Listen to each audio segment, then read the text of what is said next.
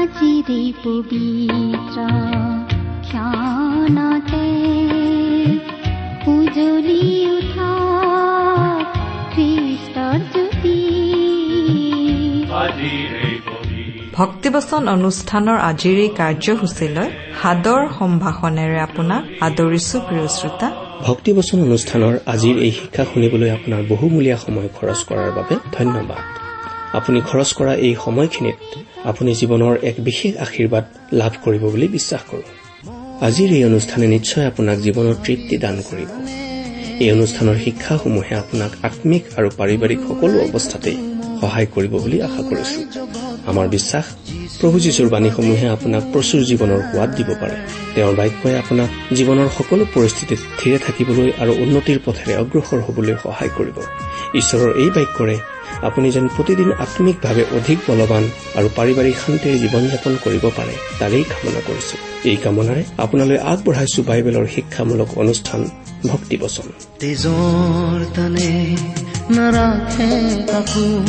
প্ৰেমৰ ভাষা নুবুজে কোনো নুশুনে কোনো নুবুজে চকুলোৰ কোনো এমূল। কাহত তোমাৰ যিচুৰ বাদে কোনো নাই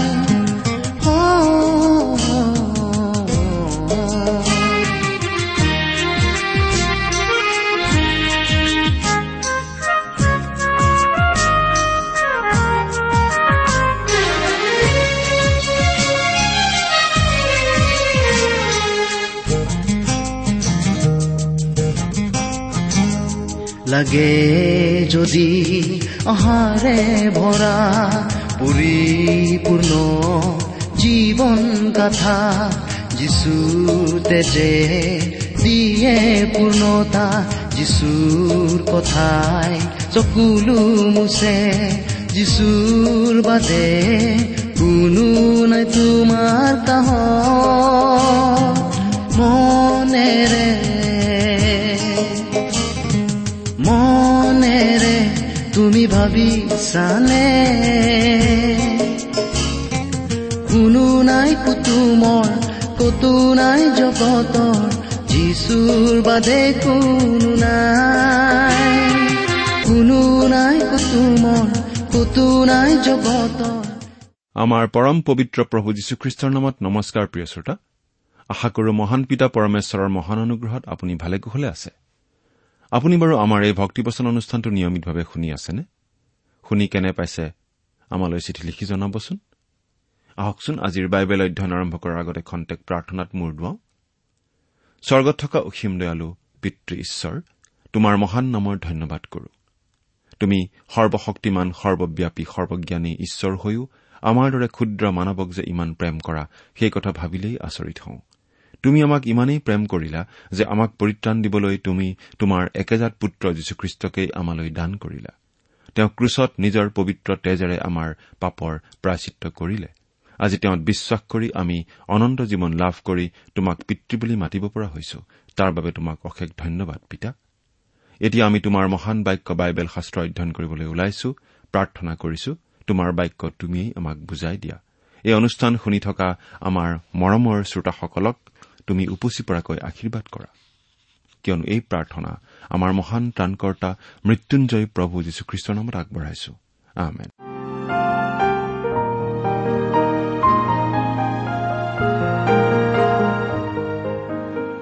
প্ৰিয় শ্ৰোতা আপুনি যদি আমাৰ এই ভক্তিবচন অনুষ্ঠানটো নিয়মিতভাৱে শুনি আছে তেনেহলে এই কথা আপুনি জানে যে আমি আজি ভালেমান দিন ধৰি যিচয়াৰ পুস্তকখন অধ্যয়ন কৰি আছো। বাইবেলৰ পুৰণি নিয়ম খণ্ডত এই পুস্তকখন আছে আৰু এইখন ছয়ষষ্ঠিটা অধ্যায়ৰ এখন দীঘল পুস্তক। আৰু ইতিমধ্যে আমি এই পুস্তকখন অধ্যয়ন কৰি ইয়াৰ একচল্লিছ নম্বৰ অধ্যায়লৈকে আমাৰ আলোচনা আগবঢ়াই আনিছো।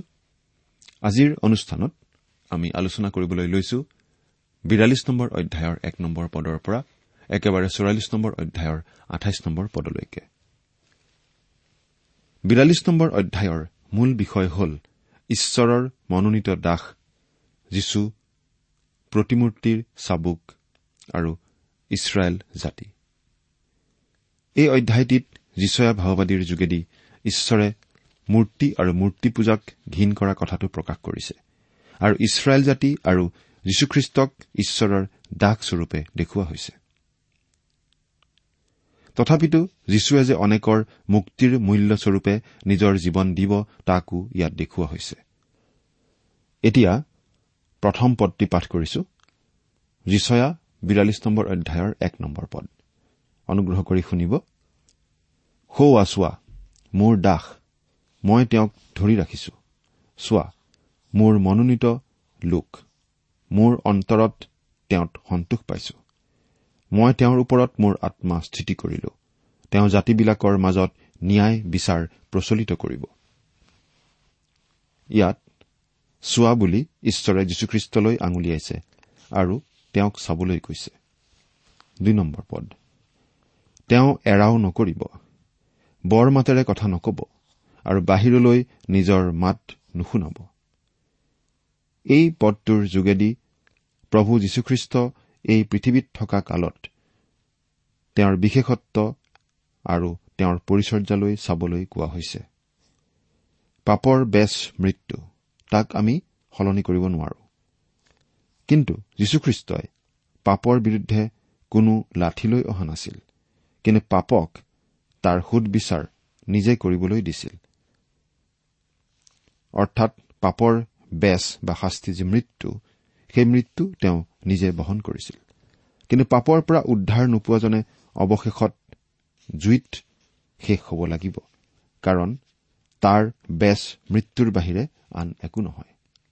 কিন্তু যিসকলে যীশুত আশ্ৰয় লয় তেওঁলোকে ৰক্ষা পাব কাৰণ সেই পাপৰ বেচ যীশুৱে ইতিমধ্যে ক্ৰুচত লৈছে। তিনি নম্বৰ পদৰ পৰা সাত নম্বৰ পদলৈ শুনিবচোন। তেওঁ থেতেলা নল নাভাঙিব আৰু ধোঁৱাই থকা শলিতাও নুনুমাব। কিন্তু তেওঁ সত্যতাৰে ন্যায় বিচাৰ প্ৰচলিত কৰিব। তেওঁ পৃথিৱীত ন্যায় বিচাৰ স্থাপন নকৰে মানলৈকে দুৰ্বল কি নিৰুৎসাহ নহব। আৰু দ্বীপবোৰে তেওঁৰ ব্যৱস্থালৈ বাট চাই থাকিব। যিজনাই আকাশমণ্ডল সৃষ্টি কৰিলে আৰু চন্দ্ৰতাপৰ দৰে তাক তৰিলে ঈশ্বৰে পৃথিৱী আৰু তাত উৎপন্ন হোৱা সকলোকে দলিচা পৰাৰ দৰে পাৰিলে যিজনাই তাৰ ওপৰত থকা লোকবিলাকক নিশ্বাস প্ৰশ্বাস দিয়ে আৰু তাত ফুৰাবিলাকক প্ৰাণদান কৰে সেই ঈশ্বৰ জীহুৱাই কৈছে অন্ধ চকু মুকলি কৰিবলৈ বন্দীশালৰ পৰা বন্দীয়াৰবিলাকক কাৰাগাৰৰ পৰা আন্ধাৰত বহি থকাবিলাকক বাহিৰ কৰি আনিবলৈ যিহু আজি মই ময়েই ধাৰ্মিকতা সিদ্ধিৰ অৰ্থে তোমাক মাতিলো। মই তোমাৰ হাতত ধৰি তোমাক ৰাখিম। আৰু লোকবিলাকৰ নিয়ম স্থাপন স্বৰূপে জাতিবিলাকৰ দীপ্তিস্বৰূপে তোমাক নিযুক্ত কৰিম। প্ৰভু যীশুৱে তেওঁৰ ৰাজ্যত যিবোৰ অলৌকিক কাৰ্য কৰিব সেইবোৰ তেওঁৰ প্ৰথম আগমনত এই পৃথিৱীতেই কৰি দেখুৱাইছিল। তেওঁ জগতৰ পোহৰ স্বৰূপে আৰু ইছৰাইলৰ গৌৰৱ স্বৰূপে এই পৃথিৱীলৈ আহিছিল। এতিয়া আঠ নম্বৰ পদৰ পৰা দহ নম্বৰ পদলৈকে পাঠ কৰি দিছো। মই জিহুৱা এয়েই মোৰ নাম। মই মোৰ গৌৰৱ অন্যক বা মোৰ প্ৰশংসা কটা মূৰ্তিবোৰক নিদিওঁ। চোৱা আগৰ কথা ফলিয়ালে আৰু নতুন কথা মই প্ৰকাশ কৰো। সেইবোৰ নৈ ঘটোতেই মই আগেয়ে সেইবোৰৰ বিষয়ে তোমালোকক কওঁ। হে সমুদ্ৰগামীবিলাক আৰু তাত থকা সকলোবিলাক হে দ্বীপবিলাক আৰু তাৰ নিবাসীবিলাক তোমালোকে জিহুৱাৰ উদ্দেশ্যে নতুন গীত গোৱা। আৰু পৃথিৱীৰ সীমাৰ পৰা তেওঁৰ প্ৰশংসাৰ গান কৰা। ইয়াত স্পষ্টকৈ কৈছে যে ঈশ্বৰে তেওঁৰ গৌৰৱ কাৰো লগত ভগাই নলয়। সেইবাবে তেওঁ মূৰ্তি আৰু সেই মূৰ্তিৰ আগত সেৱা পূজা কৰাসকলক সহ্য কৰিব নোৱাৰে। ঈশ্বৰে সেই বিষয়ে আকৌ কি কৈছে আমি বাৰ নম্বৰ পদৰ পৰা পোন্ধৰ নম্বৰ পদলৈ চাওঁ হওক। তেওঁবিলাকে জিহুৱাৰ গৌৰৱ স্বীকাৰ কৰক। আৰু দ্বীপবোৰৰ মাজত তেওঁৰ প্ৰশংসা কীৰ্তন কৰক। জিহুৱা বীৰৰ নিচিনাকৈ ওলাই আহিব। তেওঁ যোদ্ধাৰুৰ দৰে নিজৰ উৎসাহ বঢ়াব। তেওঁ জয়ধ্বনি কৰিব। এনেকি মহাধ্বনি কৰিব? তেওঁ নিজ শত্ৰুবোৰৰ বিৰুদ্ধে বীৰ কাৰ্য কৰিব। মই মনে মনে থাকিম। মই মুখ বন্ধ কৰিম। এই বুলি মই বহুকাল নিজম দি থাকিলো। কিন্তু এতিয়া মই প্ৰসৱকাৰিণী তিৰোতাৰ দৰে চিঞৰিম। একেবাৰে নেথাম। আৰু ঘনকৈ উশাহ ল'ম। মই পৰ্বত আৰু গিৰিবোৰ ধ্বংস কৰিম আৰু সেইবোৰৰ ওপৰত থকা সকলো ট্ৰেইন শুকুৱাম আৰু নৈবোৰ চট পেলাম আৰু জলাশয়বোৰ শুকুৱাম। ইয়াত কোৱা হৈছে যে গোটেই পৃথিৱীতে ঈশ্বৰে নিজৰ ক্ৰোধৰ সুধবিচাৰ সিদ্ধ কৰিব। ষোল্ল নম্বৰ পদ। আৰু অন্ধলাবিলাকক সিবিলাকে নজনা বাটেদি নিম। সিবিলাকে নজনা পথেদি সিবিলাকক লৈ যাম। মই সিবিলাকৰ আগত আন্ধাৰক পোহৰ কৰিম আৰু বেকা বেকি ঠাই পোন কৰিম। এইবোৰ কাৰ্য মই সিদ্ধ কৰিম সমাপ্ত নকৰাকৈ নেৰিম। প্ৰিয় শ্ৰোতা এইদৰে ঈশ্বৰে তেওঁৰ নিজ লোকসকলক চলাব। আজি আপুনি আৰু মই অন্ধ আম্মিকভাৱে অন্ধ। ভৱিষ্যতৰ বিষয়েও আমি একো নাজানো কিন্তু সেই সকলো ঈশ্বৰে জানে। আৰু তেওঁত নিৰ্ভৰ কৰাসকলক ঈশ্বৰে নিজে চলাব। সোতৰ নম্বৰ পদ। যিবোৰে কটা প্ৰতিমাবোৰত বিশ্বাস কৰে আৰু যিবোৰে সাঁচত ঢলা মূৰ্তিবোৰক কয় তোমালোক আমাৰ ঈশ্বৰ সেই আটাইবোৰ বিমুখ হৈ নিচেইকৈ লাজ পাব। এই কথা মূৰ্তিক ঈশ্বৰ বুলি ভবা লোকসকলক কোৱা হৈছে যে তেওঁলোকৰ ওপৰলৈ ঈশ্বৰৰ সুধবিচাৰ আহি আছে। এতিয়া ইছৰাইল যে ঈশ্বৰৰ দাস সেই বিষয়ে ওঠৰ আৰু ঊনৈশ নম্বৰ পদৰ পৰা চাওঁ হওক। পাঠ কৰি দিছো। হে কলাবিলাক শুনা হে অন্ধলাবিলাক দেখিবৰ নিমিত্তে চকু মেলা। মোৰ দাসত বাজে অন্ধলা কোন? আৰু মই পঠোৱা দূতৰ নিচিনা বা কলা কোন? মোৰে সৈতে শান্তিৰে থকা লোকৰ নিচিনা অন্ধলা কোন? জিহুৱাৰ দাসৰ নিচিনা অন্ধলা কোন? ইয়াত ঈশ্বৰে ইছৰাইলক নিজৰ লোকসমূহ বুলি কৈছে আৰু তেওঁলোকক অন্ধ বুলি চিনাক্ত কৰিছে। এতিয়া বিশ নম্বৰ পদৰ পৰা বাইশ নম্বৰ পদলৈকে পঢ়ি দিম। তুমি অনেক বিষয় দেখিছা কিন্তু মন নকৰা। তাৰ কাণ মুকলি আছে কিন্তু সি নুশুনে। জিহুৱাই নিজ ধাৰ্মিকতালৈ চাই ব্যৱস্থাক মহৎ আৰু আদৰণীয় কৰিবলৈ সন্তুষ্ট হ'ল। কিন্তু যাৰ ধন সম্পত্তি ডকা দি আৰু লুট কৰি নিয়া হল সিবিলাক এনে জাতি। সিবিলাক সকলোৱেই গাঁতত ধৰা পৰিল আৰু সিবিলাকক বন্দীশালত লুকুৱাই ৰখা হল। সিবিলাকক স্বীকাৰ কৰা হল কিন্তু কোনেও উদ্ধাৰ নকৰে। আৰু লুট কৰা হল কিন্তু কোনেও উভোটাই দিয়া বুলি নকয়। এই পদটিত কেৱল ইছৰাইলৰ কথাহে কোৱা হৈছে। ঈশ্বৰে তেওঁলোকক মনোনীত কৰিছিল আৰু তেওঁলোকক বিশেষভাৱে আশীৰ্বাদো কৰিছিল। কিন্তু তেওঁলোকে ঈশ্বৰলৈ পিঠি দিলে। এতিয়া তেইছ নম্বৰ পদৰ পৰা চৌবিশ নম্বৰ পদলৈ পাঠ কৰি দিম শুনিবচোন। তোমালোকৰ মাজত কোনে ইয়ালৈ কাণ কৰিব আৰু কোনে শুনি ভৱিষ্যৎকালৰ নিমিত্তে কাণৰ ভিতৰত ঠাই দিব? কোনে জাকুবক লুটস্বৰূপে নিলে? কোনে ইছৰাইলক ডকাইতৰ হাতত সমৰ্পণ কৰিলে? যিজনাৰ বিৰুদ্ধে আমি পাপ কৰিলো যিজনাৰ পথত লোকবিলাকে গমন কৰিবলৈ অমান্তি হল আৰু যিজনাৰ ব্যৱস্থালৈ সিবিলাকে কাণ নিদিলে সেই জিহুৱায়েই নহয়নে? ঈশ্বৰলৈ পিঠি দিয়াৰ বাবে তেওঁ ইছৰাইলক শাস্তি দিছিল। ইছৰাইলক সিঁচৰতি কৰি পেলাইছিল। কিন্তু অৱশেষত তেওঁলোকক পুনৰ একগোট কৰা হ'ব। পদ।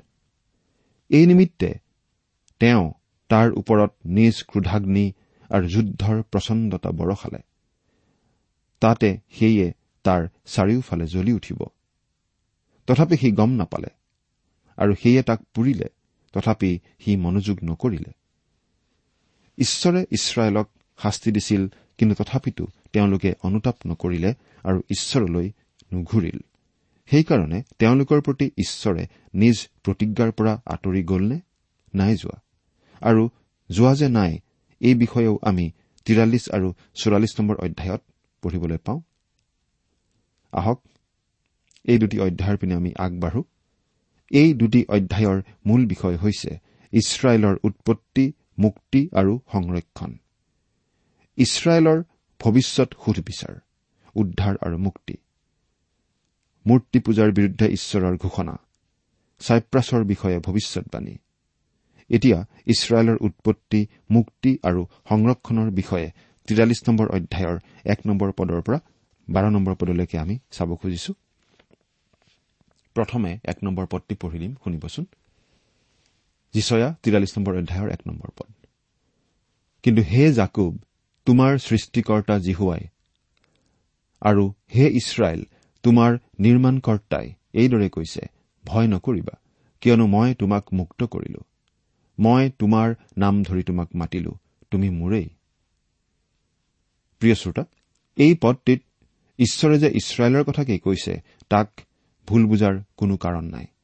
ঈশ্বৰে জাকুবৰ পৰা ইছৰাইলক উৎপত্তি কৰিছিল আৰু তেওঁলোকক ঈশ্বৰৰ ৰাজকুমাৰ নাম দিছিল। কিন্তু তাৰ আগতে ঈশ্বৰে ধূলি মাটিৰে মানুহ নিৰ্মাণ কৰি তাৰ নাকত প্ৰাণবায়ু সুমুৱাই দি তাক জীৱন্ত প্ৰাণী কৰিছিল। কিন্তু প্ৰথম মানুহে যেতিয়া পাপ কৰি পাপী হল তাক সংশোধন কৰাৰ কোনো উপায় নাছিল। কিন্তু যীশুখ্ৰীষ্টৰ যোগেদি এই পাপী মানুহক ঈশ্বৰৰ সন্তান হৈ পাপ সংশোধন কৰাৰ সুবিধা দিছিল। ঈশ্বৰে ইছৰাইলকো তেওঁৰ শক্তি আৰু তেজৰ দ্বাৰাই বন্দীস্বৰূপ মিছৰৰ পৰা উদ্ধাৰ কৰিছিল কাৰণ তেওঁলোকক ঈশ্বৰৰ ৰাজকুমাৰ পাতিছিল। দুই নম্বৰ পদ তুমি জলসমূহৰ মাজেদি গমন কৰিলে মই তোমাৰ লগত থাকিম আৰু তুমি নদীবোৰৰ মাজেদি গলে সেইবোৰে তোমাক তল নিনিয়াব আৰু জুইৰ মাজেদি চলিলে তুমি দগ্ধ নহবা তাৰ শিখাই তোমাক নুপুৰিব। ঈশ্বৰৰ এই প্ৰতিজ্ঞাটো নিৰ্দিষ্টকৈ ইছৰাইলৰ বাবেহে। ইয়াত ঈশ্বৰে জানিবলৈ দিছে তেওঁ কেনেকৈ ইছৰাইলক চুফ সাগৰ পাৰ কৰাই মিছৰৰ পৰা উদ্ধাৰ কৰিছিল আৰু জৰ্দন নদী পাৰ কৰাই তেওঁৰ প্ৰতিজ্ঞাৰ দেশত প্ৰৱেশ কৰোৱাইছিল। তিনি নম্বৰ পদ। কিয়নো মই তোমাৰ ঈশ্বৰ জিহুৱা ইছৰাইলৰ পবিত্ৰজনা তোমাৰ ত্ৰাণকৰ্তা। মই তোমাৰ মুক্তিৰ মূল্যস্বৰূপে মিছৰ আৰু তোমাৰ সলনি কোচ আৰু চবা দিলো। এই পদটি আমি ভুল বুজা উচিত নহয়। ইছৰাইলৰ মুক্তিৰ বাবে মিছৰ আৰু সংশোধনৰ বাবে কোচ আৰু চবা দিয়া নাছিল কিন্তু তেওঁলোকক ঈশ্বৰৰ বাধ্য কৰাবলৈ আৰু আচৰণৰ সংশোধন কৰিবলৈ তেওঁলোকক মিছৰত ৰাখিছিল। কাৰণ তেওঁলোক ঈশ্বৰৰ নিজৰ লোক আৰু নিজৰ লোকক সংশোধনৰ বাবে ঈশ্বৰে আজিও শাস্তি দিয়ে। কেতিয়াবা প্ৰতিকূল পৰিৱেশত পৰিবলৈ দিয়ে। চাৰি নম্বৰ পদ।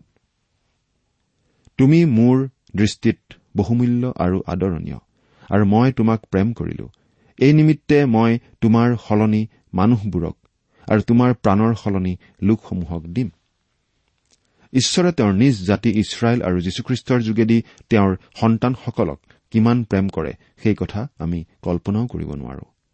পাঁচৰ পৰা সাত নম্বৰ পদলৈ পাঠ কৰি দিম। ভয় নকৰিবা কিয়নো মই তোমাৰ সংগত আছো।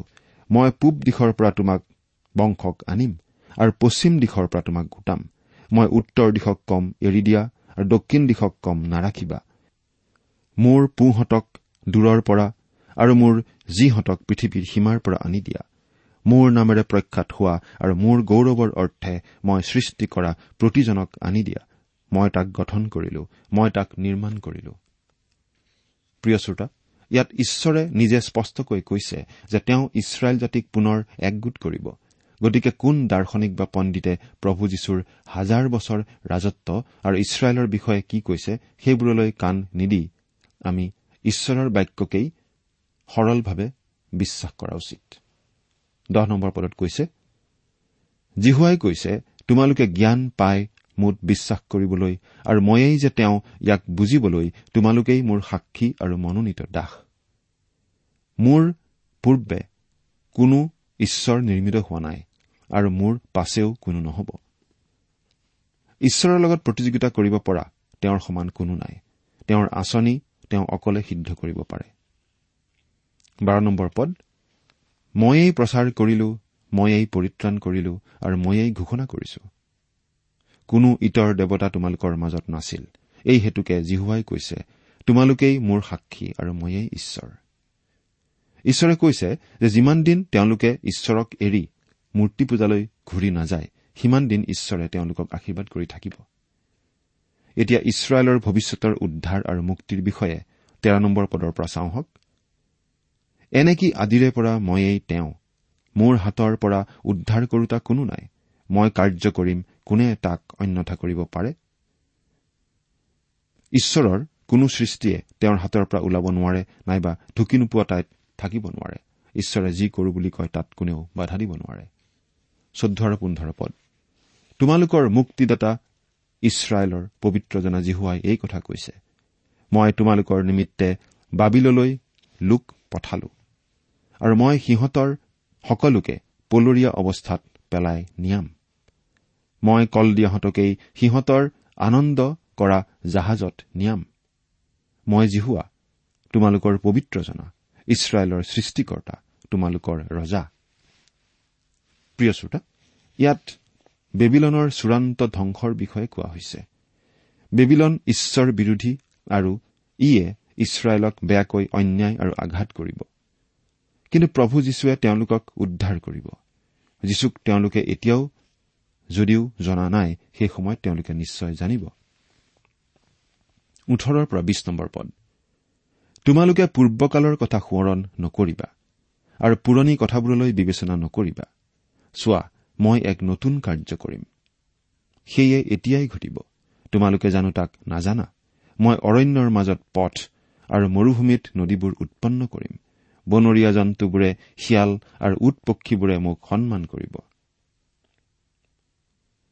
আমি শুনিবলৈ পালে হয়তো বেয়া পাম কিন্তু আমাৰ কবলৈ মন যায় যে প্ৰতিত মানুহতকৈ ঈশ্বৰে সৃষ্টি কৰা পশুবিলাকেই অলপ ভাল। বাইশ নম্বৰ পদৰ পৰা আঠাইছ নম্বৰ পদলৈকে পঢ়ি দিছো। তথাপি হে জাকুব তুমি মোক হলে আহান কৰা নাই কিন্তু হে ইছৰাইল তুমি মোৰ পৰা আমনি পাইছা। তুমি মোৰ ওচৰলৈ হোমৰ অৰ্থে মেৰ কি চাগ অনা নাই আৰু তুমি বলিদানৰ দ্বাৰাই মোক সমাদৰ কৰা নাই। নৈবেদ্যৰে কৰা দাস্যকৰ্ম মই তোমাক কৰোৱা নাই নাইবা ধূপ লগোৱাই তোমাক ক্লান্ত কৰা নাই। তুমি ৰূপ দি মোৰ নিমিত্তে সুগন্ধি বছ কিনা নাই নাইবা তুমি তোমাৰ বলিৰ তেলেৰে মোক তৃপ্ত কৰোৱা নাই। কিন্তু তোমাৰ পাপবোৰৰ দ্বাৰাই মোক ভাৰগ্ৰস্ত কৰিলা আৰু তোমাৰ অপৰাধবোৰেৰে মোক ক্লান্ত কৰিলা। মই ময়েই মোৰ নিজৰ নিমিত্তে তোমাৰ অধৰ্মবোৰ মোচন কৰো আৰু তোমাৰ পাপবোৰ মনত নাৰাখিম। মোক সোঁৱৰাই দিয়া আহা আমি একেলগে উত্তৰ প্ৰত্যুত্তৰ কৰো। তুমি নিৰ্দোষী হবৰ নিমিত্তে প্ৰমাণ দিয়া তোমাৰ আদি পিতৃজনে পাপ কৰিলে আৰু তোমাৰ মধ্যস্থবিলাকে মোৰ অহিতে অধৰ্ম আচৰণ কৰিলে। এই হেতুকে মই পবিত্ৰীকৃত অধ্যক্ষবিলাকক অপবিত্ৰ কৰিম জাকুবৰ হাওৰ আৰু ইছৰাইলক নিন্দাৰ বিষয় কৰিম। প্ৰিয় শ্ৰোতা অব্ৰাহামেও পাপ কৰিছিল। কিন্তু ঈশ্বৰে তেওঁক আশীৰ্বাদ কৰিম বুলি প্ৰতিজ্ঞা কৰাৰ বাবে নকৰাকৈ থকা নাই। সেইদৰে আজি ইছৰাইলেও নিজ পাপৰ বাবে শান্তিত থাকিব পৰা নাই। কিন্তু ঈশ্বৰে যিহেতু প্ৰতিজ্ঞা কৰিছে তেওঁলোকে এদিন শান্তি পাবই উদ্ধাৰ পাবই। এতিয়া আমি চৌৰাল্লিছ নম্বৰ অধ্যায়লৈ আহিছো। এক নম্বৰ পদৰ পৰা তিনি নম্বৰ পদলৈকে পাঠ কৰি দিম। তথাপি হে মোৰ দাস জাকুব হে মোৰ মনোনীত ইছৰাইল এতিয়া শুনা। যিজনাই তোমাক নিৰ্মাণ কৰিলে আৰু তোমাক গৰ্ভত গঠন কৰিলে যিজনাই তোমাক উপকাৰ কৰিব সেই জিহুৱাই এই কথা কৈছে। হে মোৰ দাস জাকুব হে মোৰ মনোনীত যীচুৰুণ ভয় নকৰিবা। কিয়নো মই তৃষ্ণাটোৰ লোকৰ ওপৰত জল ঢালিম আৰু খৰাং ঠাইৰ ওপৰত নদী বোৱাম। মই তোমাৰ সন্তানৰ ওপৰত নিজ আত্মা তোমাৰ বংশৰ ওপৰত নিজ আশীৰ্বাদ বাকী দিম। প্ৰিয় শ্ৰোতা আমি ভাবো যে ইয়াত ঈশ্বৰে ইছৰাইলৰ ওপৰত পবিত্ৰ আত্মা বাকী দিয়াৰ কথা কৈছে। এই বিষয়ে আমি জুৱেল পুস্তকৰ দুই নম্বৰ অধ্যায়ৰ আঠাইছ আৰু ঊনত্ৰিশ পদতো পঢ়িবলৈ পাওঁ। এতিয়া আমি ছয় নম্বৰ পদৰ পৰা দহ নম্বৰ পদলৈকে পাঠ কৰি দিম। তাতে ইছৰাইলৰ ৰজা জিহুৱাই তাৰ মুক্তিকৰ্তা বাহিনীবিলাকৰ জিহুৱাই এইদৰে কৈছে ময়েই আদি আৰু ময়েই অন্ত মোৰ বাহিৰে কোনো ঈশ্বৰ নাই। মই আদিকালৰ লোকবিলাকক স্থাপন কৰাৰে পৰা মই প্ৰচাৰ কৰি বুজাই বৰ্ণনা কৰাৰ দৰে কোনে মোৰ নিমিত্তে বৰ্ণনা কৰিব পাৰে? হবলগীয়া আৰু ভৱিষ্যত কথা কোনে প্ৰকাশ কৰিব পাৰে? তোমালোকে নকপিপা আৰু ভয় নকৰিবা। মই জানো পূৰ্বৰে পৰা তোমালোকক তাক শুনোৱা আৰু দেখুওৱা নাই। তোমালোকেই মোৰ সাক্ষী। মোৰ বাহিৰে জানো কোনো ঈশ্বৰ আছে। আন শিলা নাই। থকা মই নাজানো। কটা মূৰ্তি সাজোতাবোৰ সকলোৱেই অসাৰ। সিহঁতৰ ৰত্নস্বৰূপ পুতলাবোৰ অনুপকাৰী। সিহঁতে লাজ পাবৰ নিমিত্তে সিহঁতৰ নিজৰ সাক্ষীবোৰে একো নেদেখে আৰু একো নুবুজে। কোনে দেৱতা নিৰ্মাণ কৰিলে বা একো উপকাৰ কৰিব নোৱাৰা মূৰ্তি সাঁচত ঢালিলে? ইয়াত ভাৱবাদী এটা প্ৰশ্ন সুধিছে যে এজন সৰ্বশক্তিমান ঈশ্বৰ থাকোতে আপুনি মানুহে নিজ হাতেৰে তৈয়াৰ কৰা সেই প্ৰতিমাৰ পিছত গৈ কিয় শক্তি নষ্ট কৰে? তাৰ দ্বাৰা আপুনি লাজতহে পৰিব। তেৰ নম্বৰ পদৰ পৰা পোন্ধৰ নম্বৰ পদ। বাঢ়ৈয়ে সূতা পাৰে। সি ৰঙা মাটিৰে আঁকে আৰু বটালিৰে তাৰ আকৃতি উলিয়াই। সি কম্পাছ দি তাৰ আকাৰ নিৰূপণ কৰে আৰু ঘৰত বাস কৰিবলৈ মানুহৰ সৌন্দৰ্য অনুসাৰে মানুহৰ আকৃতিৰে তাক নিৰ্মাণ কৰে। এনেদৰে আমি যদি পঢ়ি যাওঁ আমি দেখিবলৈ পাওঁ যে মানুহে নিজ হাতেৰে নিজৰ পচন্দ মতে এই প্ৰতিমাবোৰ তৈয়াৰ কৰি লয় কিন্তু তাৰ পৰা আচলতে একো লাভ নাই। প্ৰিয় শ্ৰোতা বিভিন্ন প্ৰতিমাই আমাক কোনোমতেই সহায় কৰিব নোৱাৰে। গতিকে যিজন ঈশ্বৰ নহলে আমাৰ অস্তিত্বই নাথাকে সেইজন ঈশ্বৰৰ হাততেই আমি নিজক সোধাই নিদিওঁ কিয়? প্ৰভু যীশুৰ যোগেৰে ঈশ্বৰে আমাক সম্পূৰ্ণৰূপে তেওঁৰ বিষয়ে জনাইছে। প্ৰভু যীশুৱেই আজি ঈশ্বৰক আমাৰ আগত প্ৰকাশ কৰিছে কিয়নো তেওঁই ঈশ্বৰৰ জীৱন্ত ৰূপ তেওঁ মানুহ ৰূপত ঈশ্বৰ। তেওঁৰ ওচৰত আমাৰ নিজ নিজ জীৱন সঁপি নিদিওঁ কিয়? ঈশ্বৰে আমাক আশীৰ্বাদ কৰক। আমেন। নুবুজিলা তুমি বন্ধু। প্ৰিয় শ্ৰোতা ইমান পৰে আপুনি বাইবেল শাস্ত্ৰৰ পৰা ঈশ্বৰৰ বাক্য শুনিলে। এই বিষয়ে আপোনাৰ মতামত জানিবলৈ পালে আমি নথৈ আনন্দিত হ'ম। আমি প্ৰস্তুত কৰা বাইবেল অধ্যয়নৰ চিডিসমূহ পাব বিচাৰিলে আৰু অনুষ্ঠানত প্ৰচাৰ কৰা কোনো কথা বুজিব লগা থাকিলেও আমালৈ লিখক। আমাৰ যোগাযোগৰ ঠিকনা ভক্তিবচন ট্ৰান্সৱৰ্ল্ড ৰেডিঅ' ইণ্ডিয়া ডাক বাকচ নম্বৰ সাত শূন্য গুৱাহাটী সাত আঠ এক শূন্য শূন্য এক। ঠিকনাটো আকৌ এবাৰ কৈছো ভক্তিবচন ট্ৰান্সৱৰ্ল্ড ৰেডিঅ' ইণ্ডিয়া ডাক বাকচ নম্বৰ সাত শূন্য গুৱাহাটী সাত আঠ এক শূন্য শূন্য এক। প্ৰভু যীশু আহিছিল এই পৃথিৱীলৈ।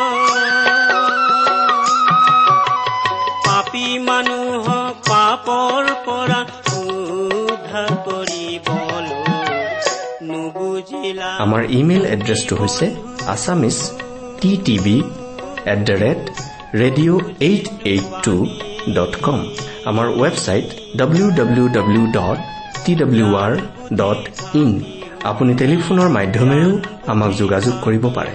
আমাৰ টেলিফোন নম্বৰটো হৈছে nine eight five four zero' four zero' eight eight nine phone নম্বৰটো আকৌ এবাৰ কৈছো ন আঠ পাঁচ চাৰি শূন্য চাৰি শূন্য আঠ আঠ ন। আপুনি এই ভক্তিবচন অনুষ্ঠানটি আমাৰ website W W W dot radio' eight eight two dot কমতো শুনিব পাৰিব। আজিৰ অনুষ্ঠানটি ইমানতেই সামৰিছো। ঈশ্বৰৰ শান্তি আৰু অনুগ্ৰহ আপোনাৰ লগত থাকক। ধন্যবাদ। শুনা বন্ধু প্ৰভু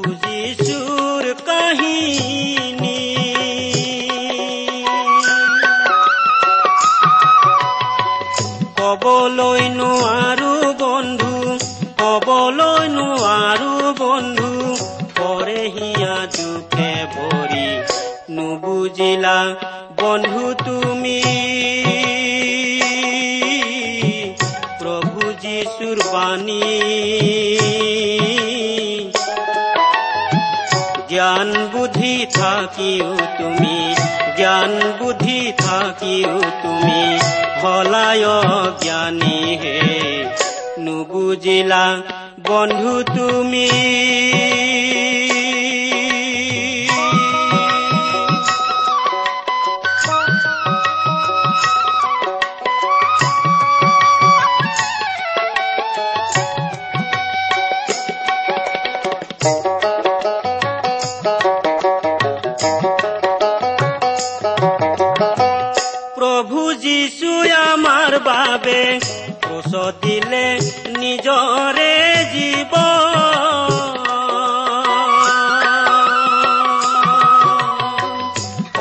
যে যাতনা ভুঞ্জিলে